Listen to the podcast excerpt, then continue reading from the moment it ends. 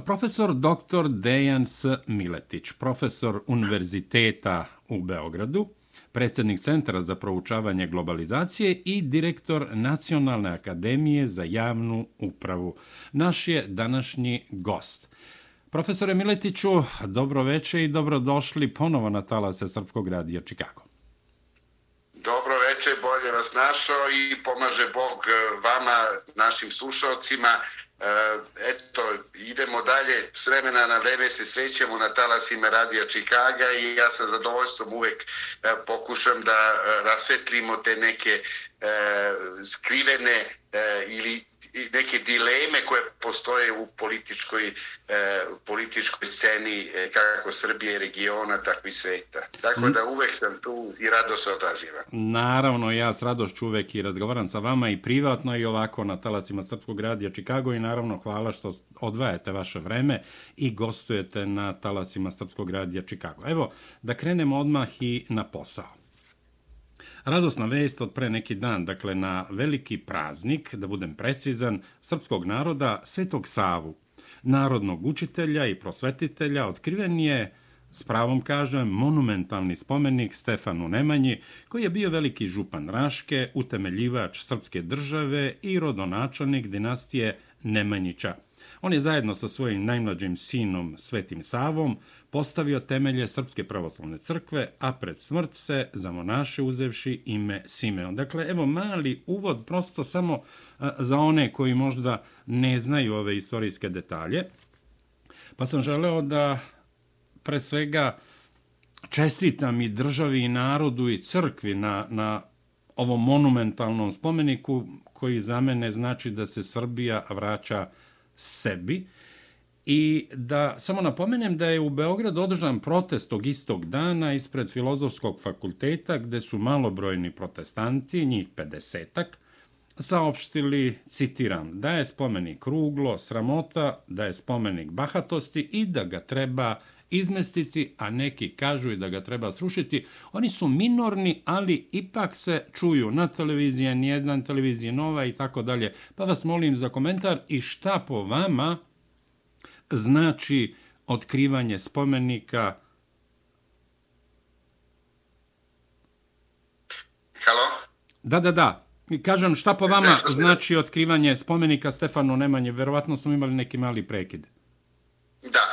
E, hvala Milorade na čestitkama i zaista e, divan dan e, na Svetog Savu, dan kada smo praktično obeležili uh, i uh, duhovnost, dan duhovnosti, utemeljenja, praktično Sveti Sava koji utemeljio Srpsku pravoslavnu crkvu, uh, podigli smo spomenik Stefanu Nemanji koji se naslane na ulicu Nemanjenu i gleda na hram Svetog Save koji je, što kaže, takođe ovih dana završen, iz njegove izgradnje završena, E, kao jedna vertikala svetovne i duhovne vlasti da se spaja e, u ime srpskog naroda, u ime srpstva i zaista veličanstven dan za sve nas.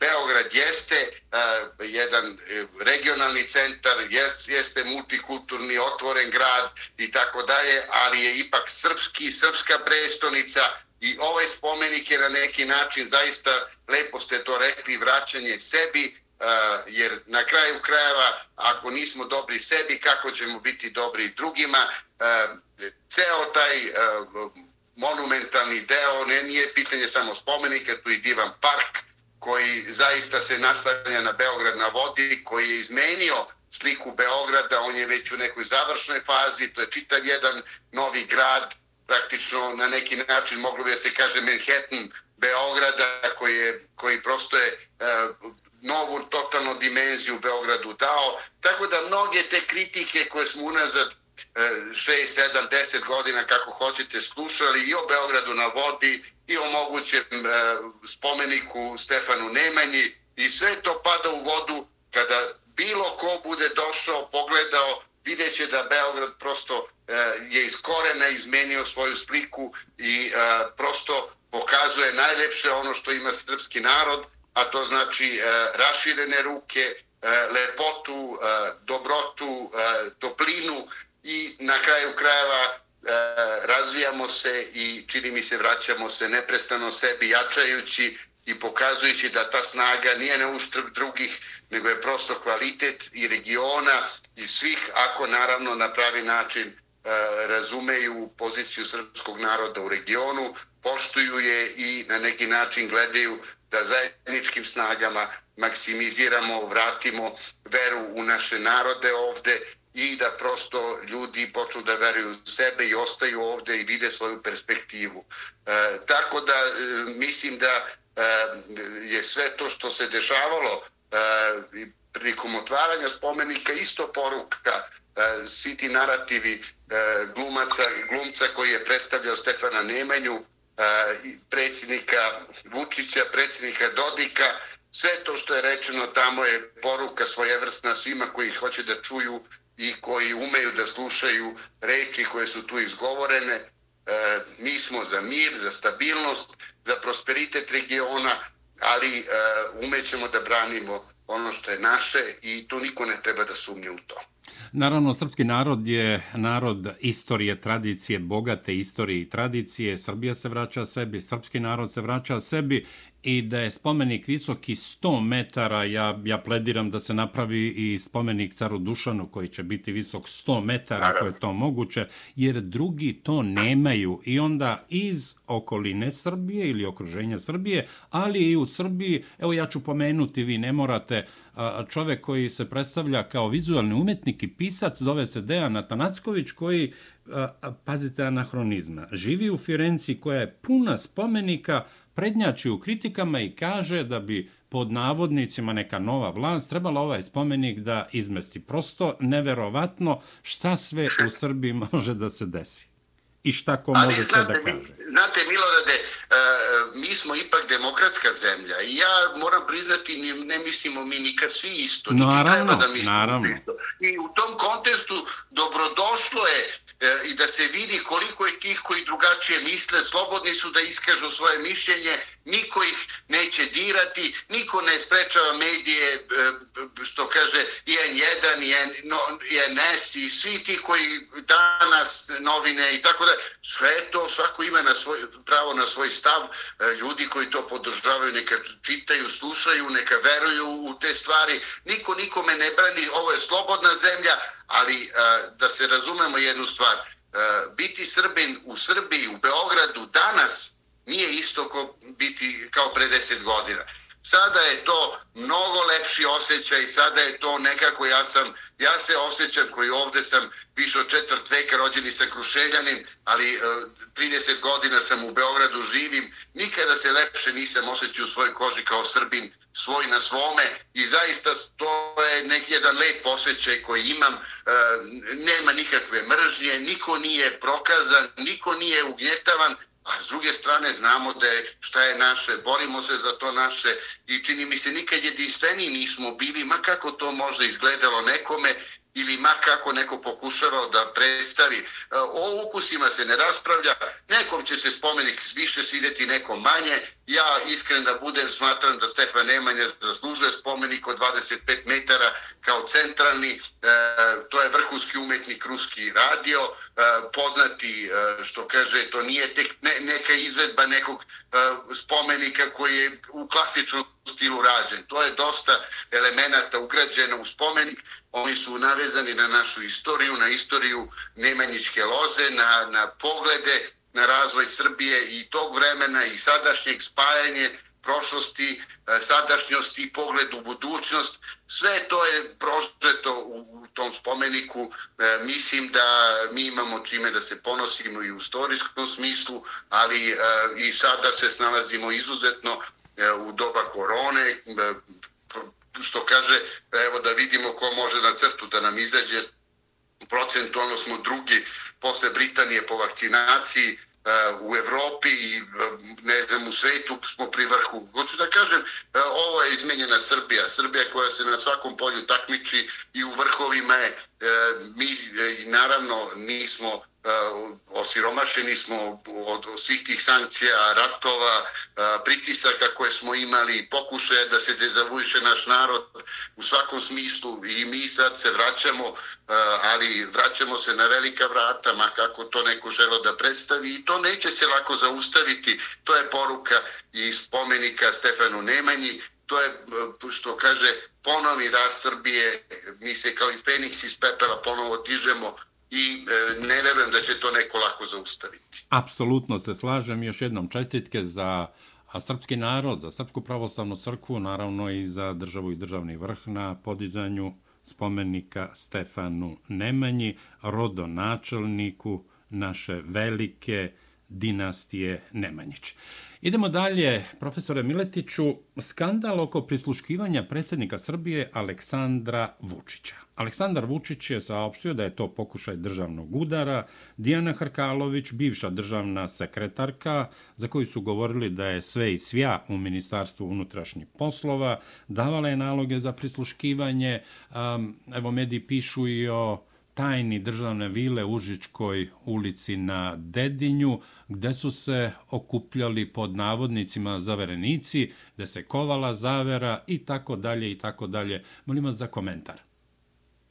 Pa zaista specifična situacija, neobična, e, deluje zaista dramatično kad se to tako postavi, ali e, treba imati u vidu da e, je ova vlada kao jedan od prioriteta posle covid navela borbu protiv organizovanog kriminala. I mi vidimo e, čak i ova, ovo demaskiranje e, prisluškivanja predsjednika države. Znate, tu ja ne, ne razmišljam ko je u pitanju. U pitanju je e, institucija, u pitanju je predsjednik naše države koji je u direktnim izborima, znači to nije njegov, njegovo postavljenje za predsjednika je u stvari proizvod direktnog glasanja građana Srbije.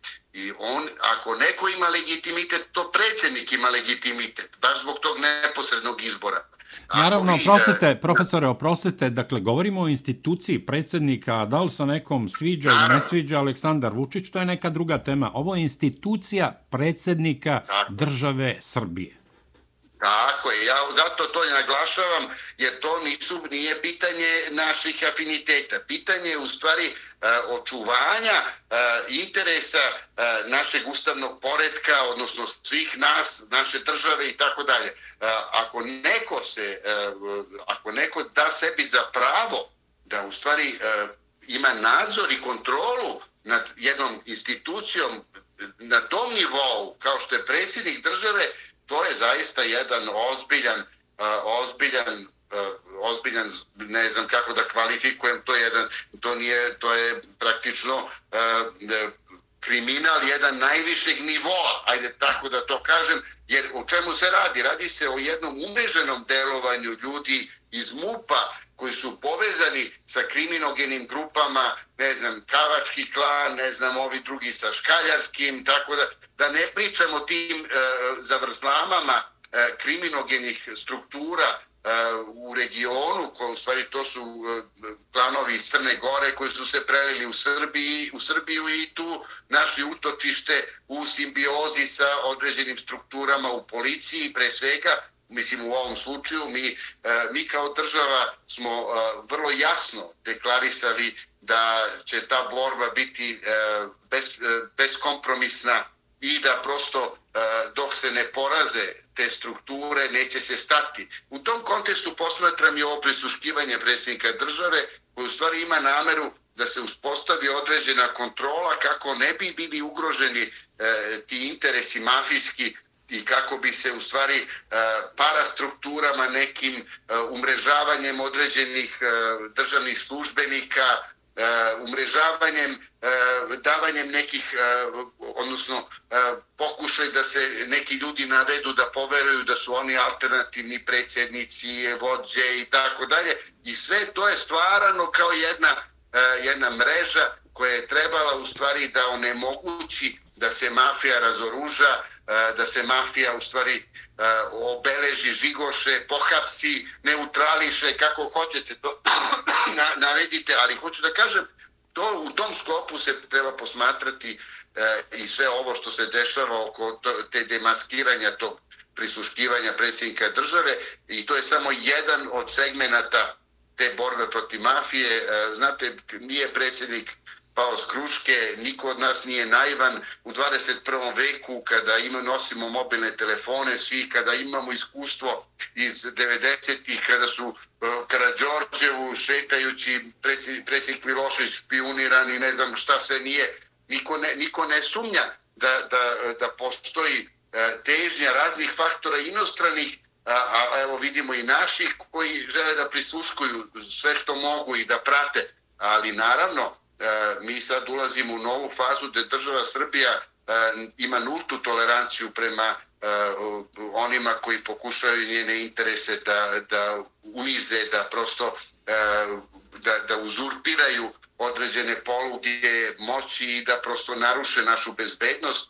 E, mislim da je ovo jedan, jedan od tih početnih koraka biće e, mnogih promjena. Mi vidimo kako se država obračunava i sa zlopotrebama nad ženama i sve to do juče to nije bilo moguće ni da se čuje o tome, piše, diskutuje. Sada mi imamo pokrete, imamo e, institucionalnu podršku ženama koje su ugrožene bile. E, Srbija prosto menja svoju, e, svoj rejer politički i pokazuje E, da smo spremni da sve te e, kako da kažem, sve te distorzije sistema, sve to što se dešavalo zbog e, čitavog niza, ne znam, evo već koliko, 30, 30 godina, koje kakvih neprilika koje naš narod imao, da prosto te, te, te, te neke E, devijacije koje su nastale u društvu da ispravljamo i stvaramo ambijent poželjen za život.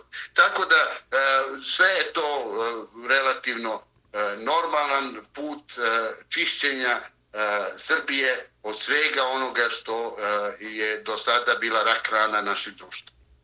Profesore Miletiću, ovaj deo našeg razgovora koji će uslediti, ja bih okarakterisao pre svega kao šovinističko ludilo Bakira Izetbegovića, predsjednika stranke Demokratske akcije, a koje truje u kontinuitetu Bosnu i Hercegovinu. Naime, on je 22. januara izjavio u intervju za uh, televiziju Bosne i Hercegovine da su Srbi loš narod, ne eksplicitno, ali evo ja ću kratko citirati šta je on rekao između ostalog.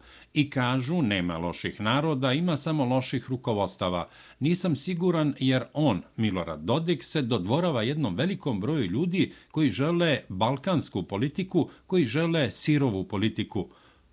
To je rekao Bakir Izetbegović, dakle on u kontinuitetu daje zaista rekao bih, odvratne, izvinjavam se na izrazu, odvratne izjave, a u mnogim reakcijama na ovu izjavu Izetbegovića, između ostalog se ona karakteriše kao profašistička i mrziteljka, mrziteljska, oprostite. Šta je cilj po vama Bakira Izetbegovića, a svedoci smo da u posljednje vreme nekako pa da i podrška bar javna Ređepa Tajipa Erdogana Bakiru Izetbegoviću ne pojavljuje se više Ređep Tajip Erdogan sa nekim pompeznim izjavama o podrsi Bakiru Izetbegoviću i tako dalje. Šta je po vama cilj Bakira Izetbegovića koji u kontinuitetu napada srpski narod, Republiku Srpsku i Srbiju? Pa, nažalost, eto, to je ono što u regionu često puta primećujemo da ljudi eh, 90-ih godina, ljudi koji u stvari na mržnjama, na antagonizmima u regionu opstaju u kontinuitetu. Bakir Izetbegović je relik prošlosti, eh, on je čovek koji je pokazao da kako on, tako i njegova stranka se ne bave ničim drugim nego korupcijom. I to je toliko duboka korupcija koja je zahvatila cijelu njegovu porodicu, cijelu stranku, E, dokazana, e, hapšeni su mu najbliži. I šta on ima da ponudi e, Bosni i Hercegovini, regionu, bilo kome, sem, eto, opet vraćanja na mržnju, skretanja pažnje sa onih dramatičnih podataka koji su koji postoje u Bosni i Hercegovini od e, ekonomske situacije e, preko e, pogledajte u covidu kako se reaguje jedno rasulo po svim segmentima jedna neodrživa drživa zajednica ta Bosna i Hercegovina u kojoj u stvari srpski narod teško da može da vidi svoju budućnost i da i u tom kontekstu i zaista se fokusira, koncentriše na Republiku Srpsku i traži, traži rešenja koja bi u stvari obezbedila e, budućnost našim ljudima tamo. E, da se razumemo, mnogo je žalosno to što priča Bakir Izetbegović, jer je dobro poznato da je njegov otac Alija Izetbegović pre nego što su bošnjaci 90. godina izronili kao narod, e, odnosno da bi probali da, pošto je pre toga su muslimani bili narod, znate, absurda, znači verska zajednica se proglasila u Titovoj Jugoslavi kao proglašene kao narod, a onda pošto je to neodrživo i bespredmetno, oni su se proglasili bošnjacima posle. E, sve je to kvazi, sve je to e, način kako da se udalje naši ljudi u Bosni i Hercegovini. A zašto to sve kažem? Jer je Ali Izetbegović potpisivao se kao Srbin e, pre nego što su bili muslimani, pre nego što je e, prosto u Jugoslaviji proglašeno da, da ima muslimana kao posebne, e, posebnog naroda. I e, govorim koliko je sve to jadno, bedno, koliko u stvari E, e, ovi van našeg regiona gledaju da nas de vide dimpera zavadi pa vlade po sistemu da su prostave naše ljude, da prosto na tim razlikama verskim ili bio kakvim drugim e, uspostavljaju jedan kontrolisani haos gdje u stvari nema napretka za naše ljude, nema napretka za region i samo sve što se dešava je u stvari interes trećih strana, E, to je sve žalosno, bedno, jadno i nadam se da ljudi kao Bakir Izetbegović prosto neće imati prostora da u narednim godinama ozbiljnije e, se bave politikom, odnosno da će ih narod odbaciti kao e, strano telo, jer zaista šta više e, ponuditi zar opet mržnju, zar opet nuditi ratne sukobe i tako dalje. Mislim da u srpskom narodu nemaju partnera za tako šta, ali e, znate, igrati se vatrom, tu ne znamo koji je taj moment kada, kada u stvari ta vatra može da preraste u požar. E, mi smo uvek na oprezu, mi znamo s kim imamo posla i e, nadam se da niko neće e, iskušavati strpljenje srpskog naroda i izazivati, e, e što kaže, nove sukobe to nije nikakav problem uraditi, problem je zaista stvoriti perspektivu za ljude u regionu. Mi na tome radimo, mi se borimo za to.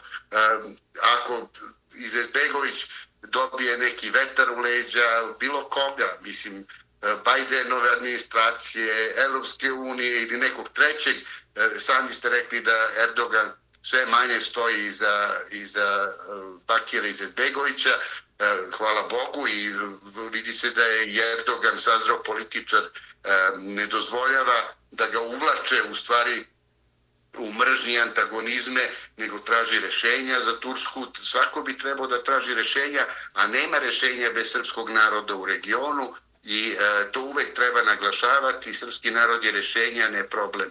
Tako da problem e, je u stvari Alija Izetbegović, Milo Đukanović i slični likovi uh, koji... Bakir, stvari, Bakir Izetbegović. Alija i, kao da, fundament tog islamskog, da, da, rekao bi, ekstremizma. Da. I svi ljudi uh, koji od 90. do danas uh, praktično žare i pale i, i prosto čini mi se ipak E, E, da njihova sveća dogoreva na političkoj sceni regiona. Da, jedan od ti koji pali vatru i posipa benzinom, već rekao bih ugašenu vatru, je i Ramuš Haradinaj, optužen u Srbiji za stravične ratne zločine nad Srbima, ali i Albancima lojalnim državi Srbiji i nealbancima na Kosovu i Metohiji.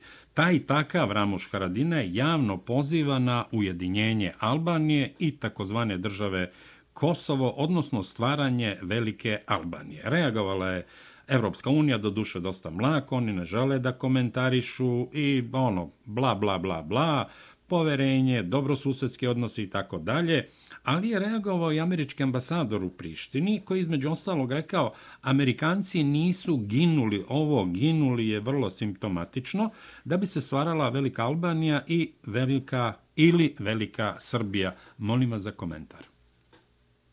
Pa žao mi je što Amerikanci nisu ginuli za stvaranje Velike Srbije, jer bi to za njih mnogo e, značajnije bilo i imali bi daleko veći utjecaj i zaista bi onda e, mogli da se pohvale da su unapredili region. Ovako su napravili jedan Galimatijas, e, jedan, jednu nerešivu E, zagonetku, ajde tako da kažem, jer kako drugačije taj neuspeli projekat e, formiranja kosovske države na tkivu srpskog naroda, odnosno na tkivu srpske države, e, i, i na tome raditi i time se hvaliti, a tamo ne funkcioniše ni jedna institucija, tamo su kompletne strukture E, za najteže zločine po kazamatima koji su dojuče partneri bili iz američkih država, iz zapada, pa taj tači je proglašavan od gospodina Bajdena kao George Washington i takve neke nebuloze koje, koje teško čovjek može da razume. Sada se vidi u stvari da je to jedna,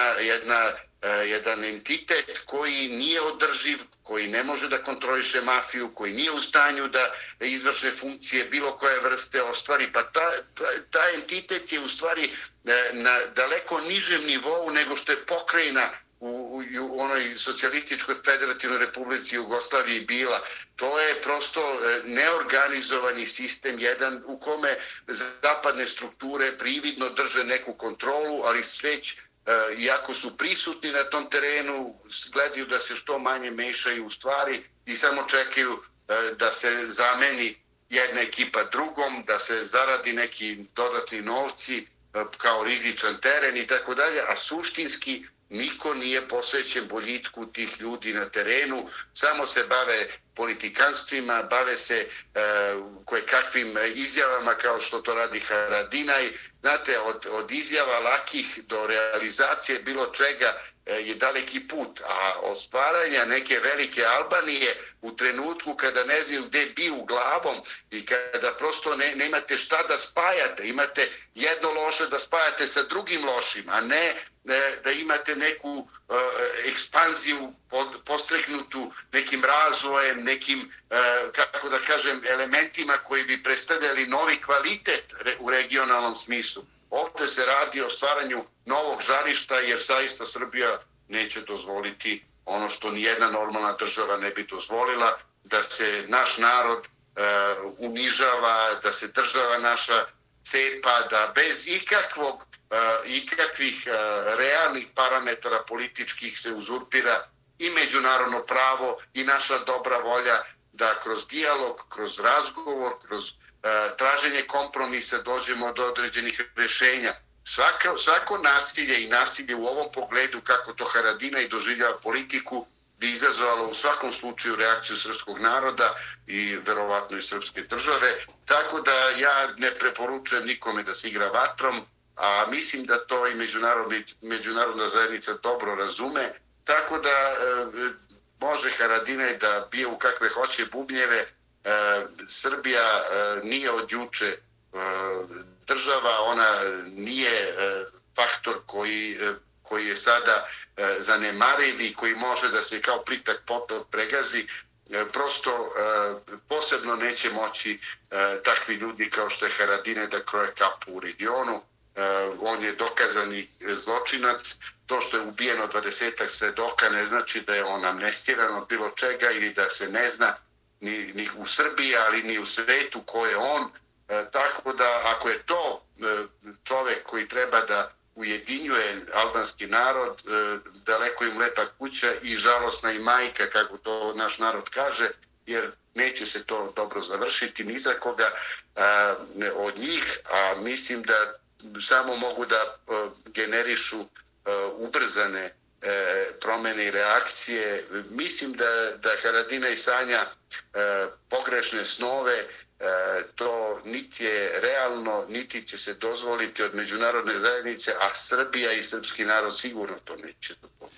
Profesore Miletiću, voleo bih da malo razmišljate ovako javno na talasima Srpskog radija Čikago o situaciji u Crnoj Gori. Naime, Predsjednik Crne Gore dugovečni predsjednik, već preko 30 godina, Milo Đukanović, što predsjednik vlade, što predsjednik države. Milo Đukanović optužuje Srbiju da ugrožava suverenitet svojih suseda po receptu iz 1990-ih, a Srpsku pravoslavnu crkvu nazvao je instrumentom velikosrpskog nacionalizma i inspiratora navodnog genocida. Samo da podsjetim da 90. godina nije postojala Srbija postojala je socijalistička federativna republika Jugoslavija, kasnije Savezna republika Jugoslavija i naravno on zaboravlja na svoju ulogu u svemu ovome za šta optužuje Srbiju. Pa vas molim da komentarišete, jer ovo nije prvi put da on daje zaista užasavajuće izjave i naravno imaću još jedno pitanje u vezi sa situacijom u Crnoj Gori. Izvolite.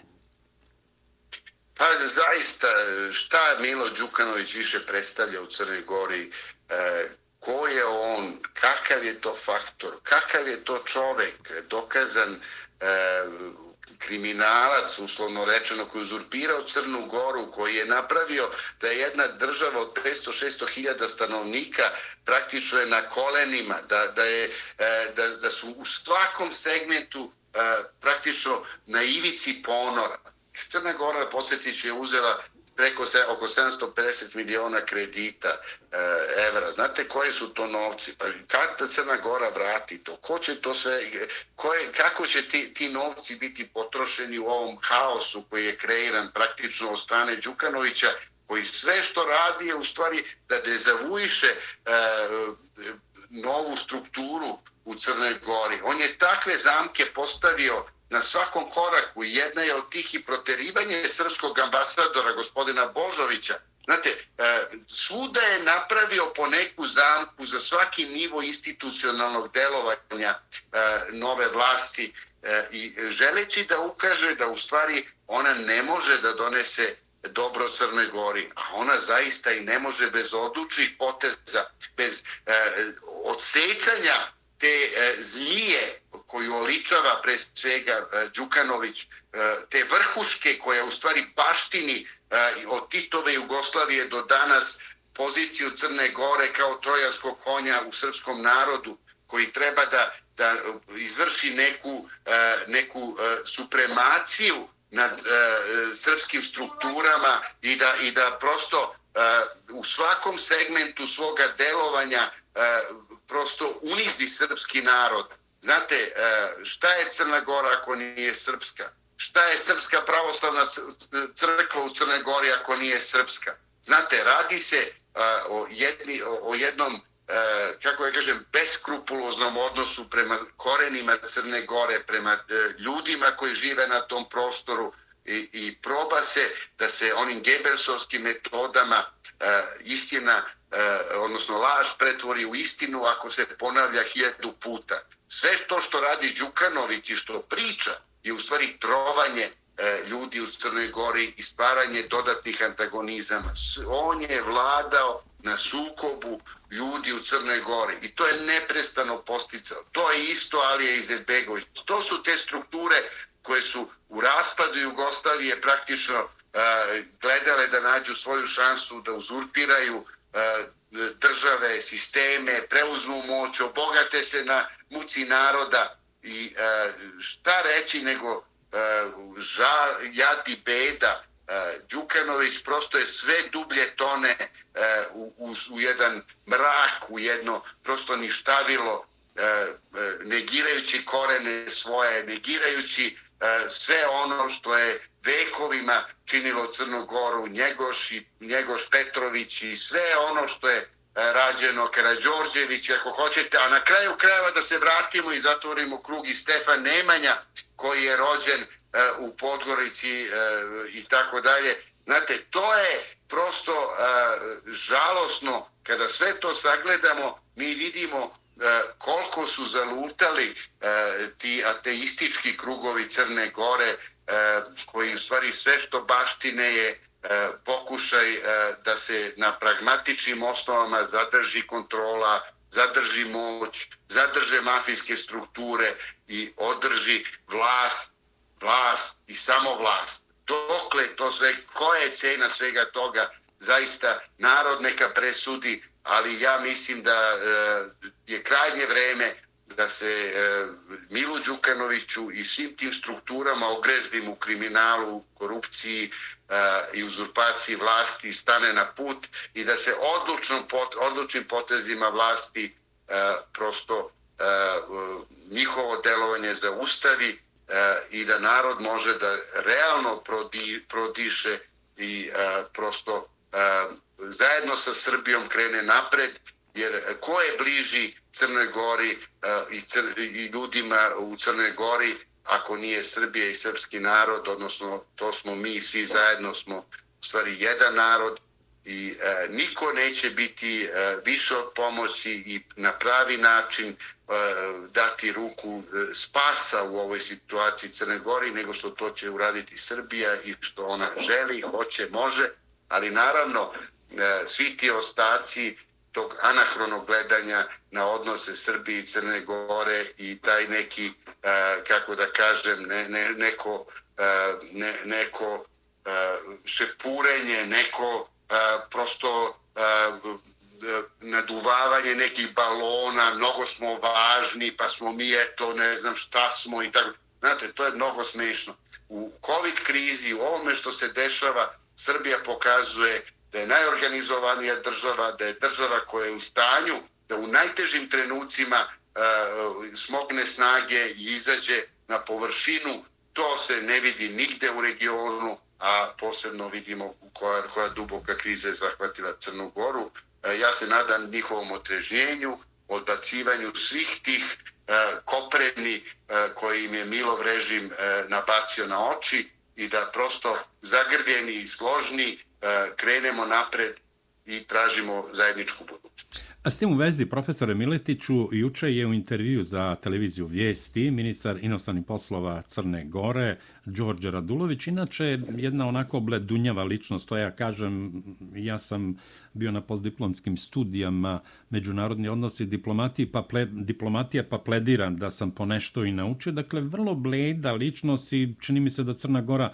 nije zaslužila da nema mnogo respektabilnijeg ministra spoljnih poslova, ali dobro, to je što je. On je juče saopštio da su oni vlada Crne Gore za najbolje odnose sa Srbijom, ali da neće povući odluku o proterivanju ambasadora Srbije Vladimira Božovića bez obzira na izjave predsjednika Srbije Aleksandra Vučića i predsjednice vlade Ane Brnabić, koji očekuju da Crna Gora, odnosno vlada Crne Gore i Ministarstvo spoljnih poslova, povuku tu odluku o proterivanju ambasadora Srbije iz Podgorice i da Srbija ima jednog ambasadora, a to je Vladimir Božović. Međutim, On je uz besmislena obrazloženja insistirao na tome da Crna Gora očekuje novog ambasadora, a da odluku o proterivanju neće povući.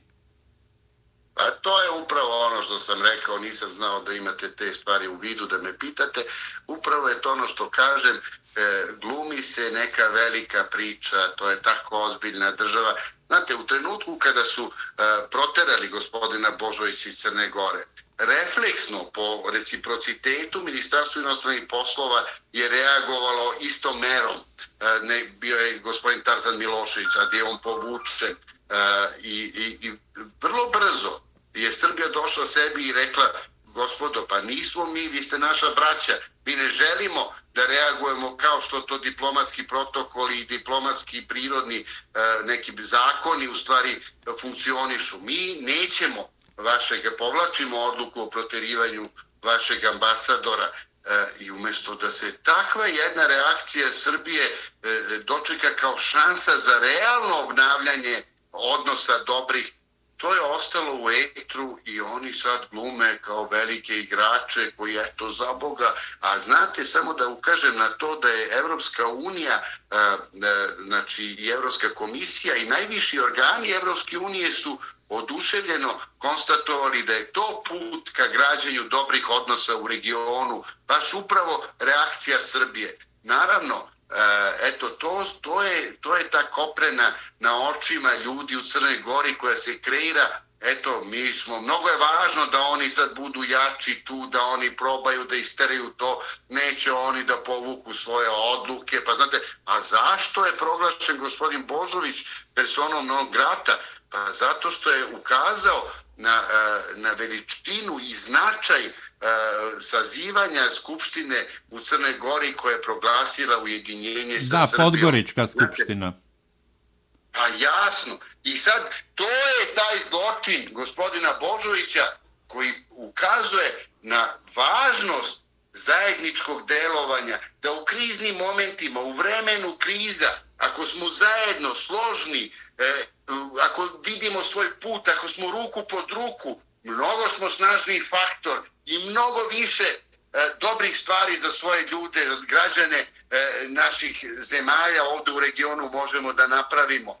E, prosta je to jednačina koju e, ti vlastodržci, ti ljudi koji su prosto ispiranih mozgova, teško sagledavaju i meni je to zaista žao. Ja vidim da mi u regionu, srpski narod u regionu ima veliku šansu e, da iz ove krize izađe kao e, značajno ojačan, kao narod koji će pokazati svoju snagu, organizovanost, uspešnost e, i Srbija to svakim danom sve više pokazuje i lepo bi bilo da te uspehe koje žanjemo, žanjemo zajedno i da zajedno se podižemo i zajedno uzrastamo. Znate, e, sve je mnogo lepše sa braćom, sve je mnogo e, lepše kada zajedničkim snagama uspevamo nešto. Ako Crna Gora očekuje od Nemačke, od Sjameričkih država, od ko zna koga da je donese blagodeti, ja mislim da je to tužno i da to zaista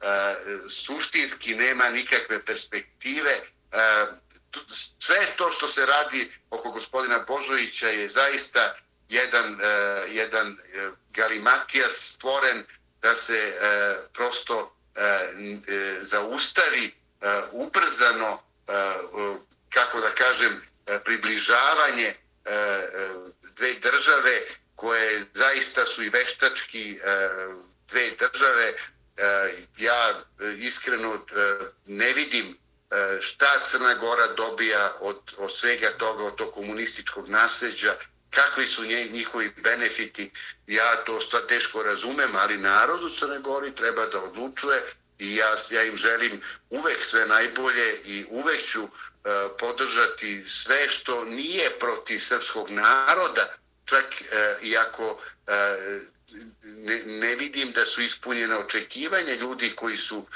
ovu vladu podržali, odnosno uh, očekivanja srpskog naroda koji je za par uh, mesta praktično bio ispod uh, gospodina Đukanovića na izborima posljednjim, a, ali hoću da kažem u ceo aparat uh, gospodina Đukovića, u celu uzurpaciju vlasti, medija i tako dalje, on je uspo tek za jedan, dva glasa u parlamentu da bude E, bolje pozicionirano srpskog naroda. Samo to ističem kao, kao jednu prostu činjenicu da posle toliko godina uzurpacije pritisaka na srpski narod opet nije mogao, e, nije mogao da pobedi lažima e, i svim, svim tim stvarima koje je primenjivo E, decenijama unazad. Ja mislim da e, Crna Gora mora da dođe sebi, a doći će sebi onog trenutka kada shvati da niko joj nije bliži i niko joj ne želi bolje od Srbije i srpskog naroda. Da, profesore Militiću, evo i za kraj, ovo je pitanje koje mi se nametnulo tokom ovog razgovora. Naime, e, odnosi Bugarske i Republike Severne Makedonije, odnosno Makedonije, a Bugarsko je kriva Srbija što postoji Makedonija. Naime, podpredsednik bugarske vlade Krasimir, mislim da se zove, da, da, Krasimir Karakačanov rekao je da u Makedoniji jača srpski uticaj i da je Srbija pod navodnicima dželat Makedonije, a naravno i da se više ne pominju fašističke uh, a, fašistička dela ili nedela bugarskih okupatora u vreme, u vreme drugog svetskog rata, a Bugarska krivi Srbiju jer je navodno pod Josipom Brozom Titom stvorena Makedonija, makedonska nacija, makedonski jezik koji u stvari bugarski, makedonska nacija ne postoji, nego su oni bugari, a smeta im i činjenica da Srbija priznaje makedonsku naciju i državu. I samo da napomenem, pa bi zamolio za kratak komentar, da je današnja Republika Severna Makedonija, za mene Makedonija naravno, stvorena na terenu takozvane Vardarske ili Makedonije. Egejska, Pirinska Makedonija, gde žive Makedonci, dakle u Grčkoj i Bugarskoj, su asimilovani, promenjena su im imena i prezimena, Bugari na teritoriji Pirinske Makedonije ne priznaju makedonsku manjinu, o, o Grcima da i ne govorimo, tamo Dibidus što bi rekao naš narod, a, a, nema ni pomena o Makedoniji. Makedonija je promenila ime i samo na teritoriji pod navodnicima koje je kontrolisala Srbija prvi, prvi rat, pa u drugom svetskom ratu, Makedonci su stvorili svoju državu, ali na teritoriji na kojoj je pod navodnicima a, počinjen, evo kako ovaj kaže, na teritoriji na kojima je Srbija bila džela. Tu postoji država Makedonija i nigde više u Egejskoj i Pirinskoj Makedoniji ni pomena o tome, pa molim vas za komentar. Pa, žalostno je sve to. Ja sam imao priliku gospodina Karakačanova da upoznam a, i a, to je jedan ozbiljan političar, mislim da je najjači. On je potpredsjednik vladi i ministar odbrane u Bugarskoj. Tako je. A, da bome. I e, klupa jedan čovek e, britki, britkih misli e, i siguran sam da je veliko bugarski orijentisan, tako da nemam nikakvih dilema da, da on e, negira sve ono što, e, što kaže umanjuje uticaj bugarski u svakom smislu, ali e, i sada se pokazalo ne samo da Bugarska pledira na prostor e, Makedonije i da negira Makedonce, nego e, zaista e, kome mogu makedonci da se okrenu i ko može da njima omogući da budu makedonci ono što žele, ono što smatraju da jesu, ako to nije srpski narod. Ja bih volao da mi objasni neko e, e to negiranje Bugarske koja negira njima istoriju, jezik i bilo kakvu posebnost, e, to nikada se nije dešavalo od strane Srbije i srpskog naroda. Niti se to ikad iz Beograda čuje posebno, evo da kažemo, o novijoj istoriji. Nikad. Ja sam skoro bio u jednoj komisiji odbrane doktorske disertacije uh, jednog uh, mlađeg čoveka koga znam uh, jedno 5-6 godina i on je poželao da ja budem u komisiji. Ja sam bio isto prijatno iznenađen da čitajući E, na makedonskom njegovu disertaciju, ja sam sve e, jasno razumeo, sve je bilo, prosto nisam imao nikakvih, e, nijedno, ne, nijednu nepoznanicu, što mi je bilo iznenađenje, ipak je u pitanju stručna literatura i mislio sam da će imati poteškoće. Govorim koliko su ti ljudi bliži E, nama nego što nam se i čini. E, I mi zaista e, nemamo nikakvih tih negativnih, kako da kažem, energija, ajde tako da formulišem to, ili negativnih misli, sem što naravno je došlo do uzurpacije Srpske pravoslavne crkve u Makedoniji i to nasađe i Nemanjića, i te crkve koje su podizane od Svetoga Save pa nadalje e, i to što je to bio centar Dušanovog carstva i tako dalje i tako bliže, naravno da mi to e, sa, što kaže, žaljenjem konstatujemo da se ne uvažava E, zaista e, e, i tu e, ta srpska istorija na pravi način i naseđi i versko i kulturno i tako dalje i zna se da je došlo u komunističkoj Jugoslaviji do ozbiljne asimilacije srpskog naroda promenom prezimena i tako dalje i tako bliže. Ali na kraju krajeva tako je kako je i ko je bliži makedoncima ako nije srpski narod Grci, Albanci, Bugari ili, ili Srbi. Ja bih volio da mi neko objasni i zašto, e, zašto bi e, bilo ko e, i kakve bi rešenja Makedonci imali ako ne u zajednici sa srpskim narodom i sa Srbijom, jer jedini garant njihovo, njihovog istorijskog, kulturološkog, kako je posebnosti njihove, u tom smislu i može da bude srpski narod E, i niko drugi. I to je, čini mi se, prirodni put i svaka, svaki antagonizam koji bi se kreirao u Makedoniji u odnosu na Srbiju bi bio na uštrb njihove budućnosti.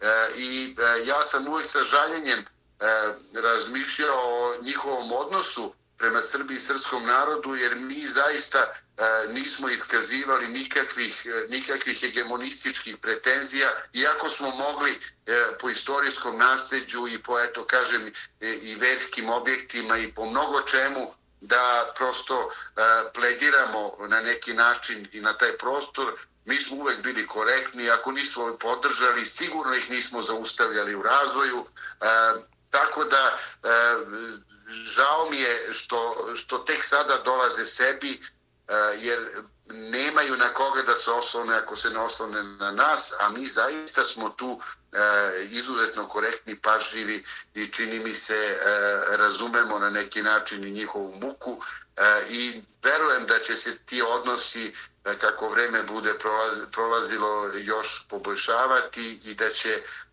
ljudi u Makedoniji, u Severnoj Makedoniji, kako ko hoće da kaže, prosto da će vrlo brzo e, što kaže još snažnije prigrliti pruženu ruku Srbije, jer mi e, samo zajedno možemo više. I to je ona svest koja postoji e, u današnjoj Srbiji, u savremenoj Srbiji, da prosto ne može nama da bude bolje ukoliko je svima izuzetno loše.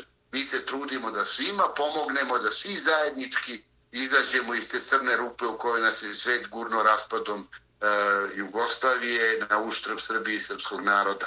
Tako da e, ne može tu Karakačanov, ne može e, ni jedna bugarska država tu da dobro donese neki, med, neki med i mleko u Makedoniju. Oni mogu samo da pokušaju da ih skroz prebace u Bugare, u Bugarsku i da prosto nestanu kao sa svim svojim posebnostima kao narod ili kao entitet I to je zaista bi to bio opet jedan novi problem, jer tu, tu je ogromno jedno kulturološko nasljeđe koje uzurpacijom Bugarske prosto bi bila opet izvrnuta istorija, a znamo koliko je zločina učinila, učinila bugarska vojska i u Prvom svjetskom ratu i u drugom, i čišćenje etničko i šta se nisu radili, tako da nadam se da će ta svest kod Makedonaca biti sve jače i jača, da smo mi braća i da mi zajednički možemo mnogo više. A profesore Miletiću, hvala vam što ste govorili za Srpski radio Čikago. Hvala i vama i svako dobro od Boga želim vam i vašim slušalcima. Hvala. Poštovani slušalci, za Srpski radio Čikago govorio je profesor dr. Dejan S. Miletić, profesor Univerziteta u Beogradu, predsjednik Centra za proučavanje globalizacije i direktor Nacionalne akademije za javnu upravu.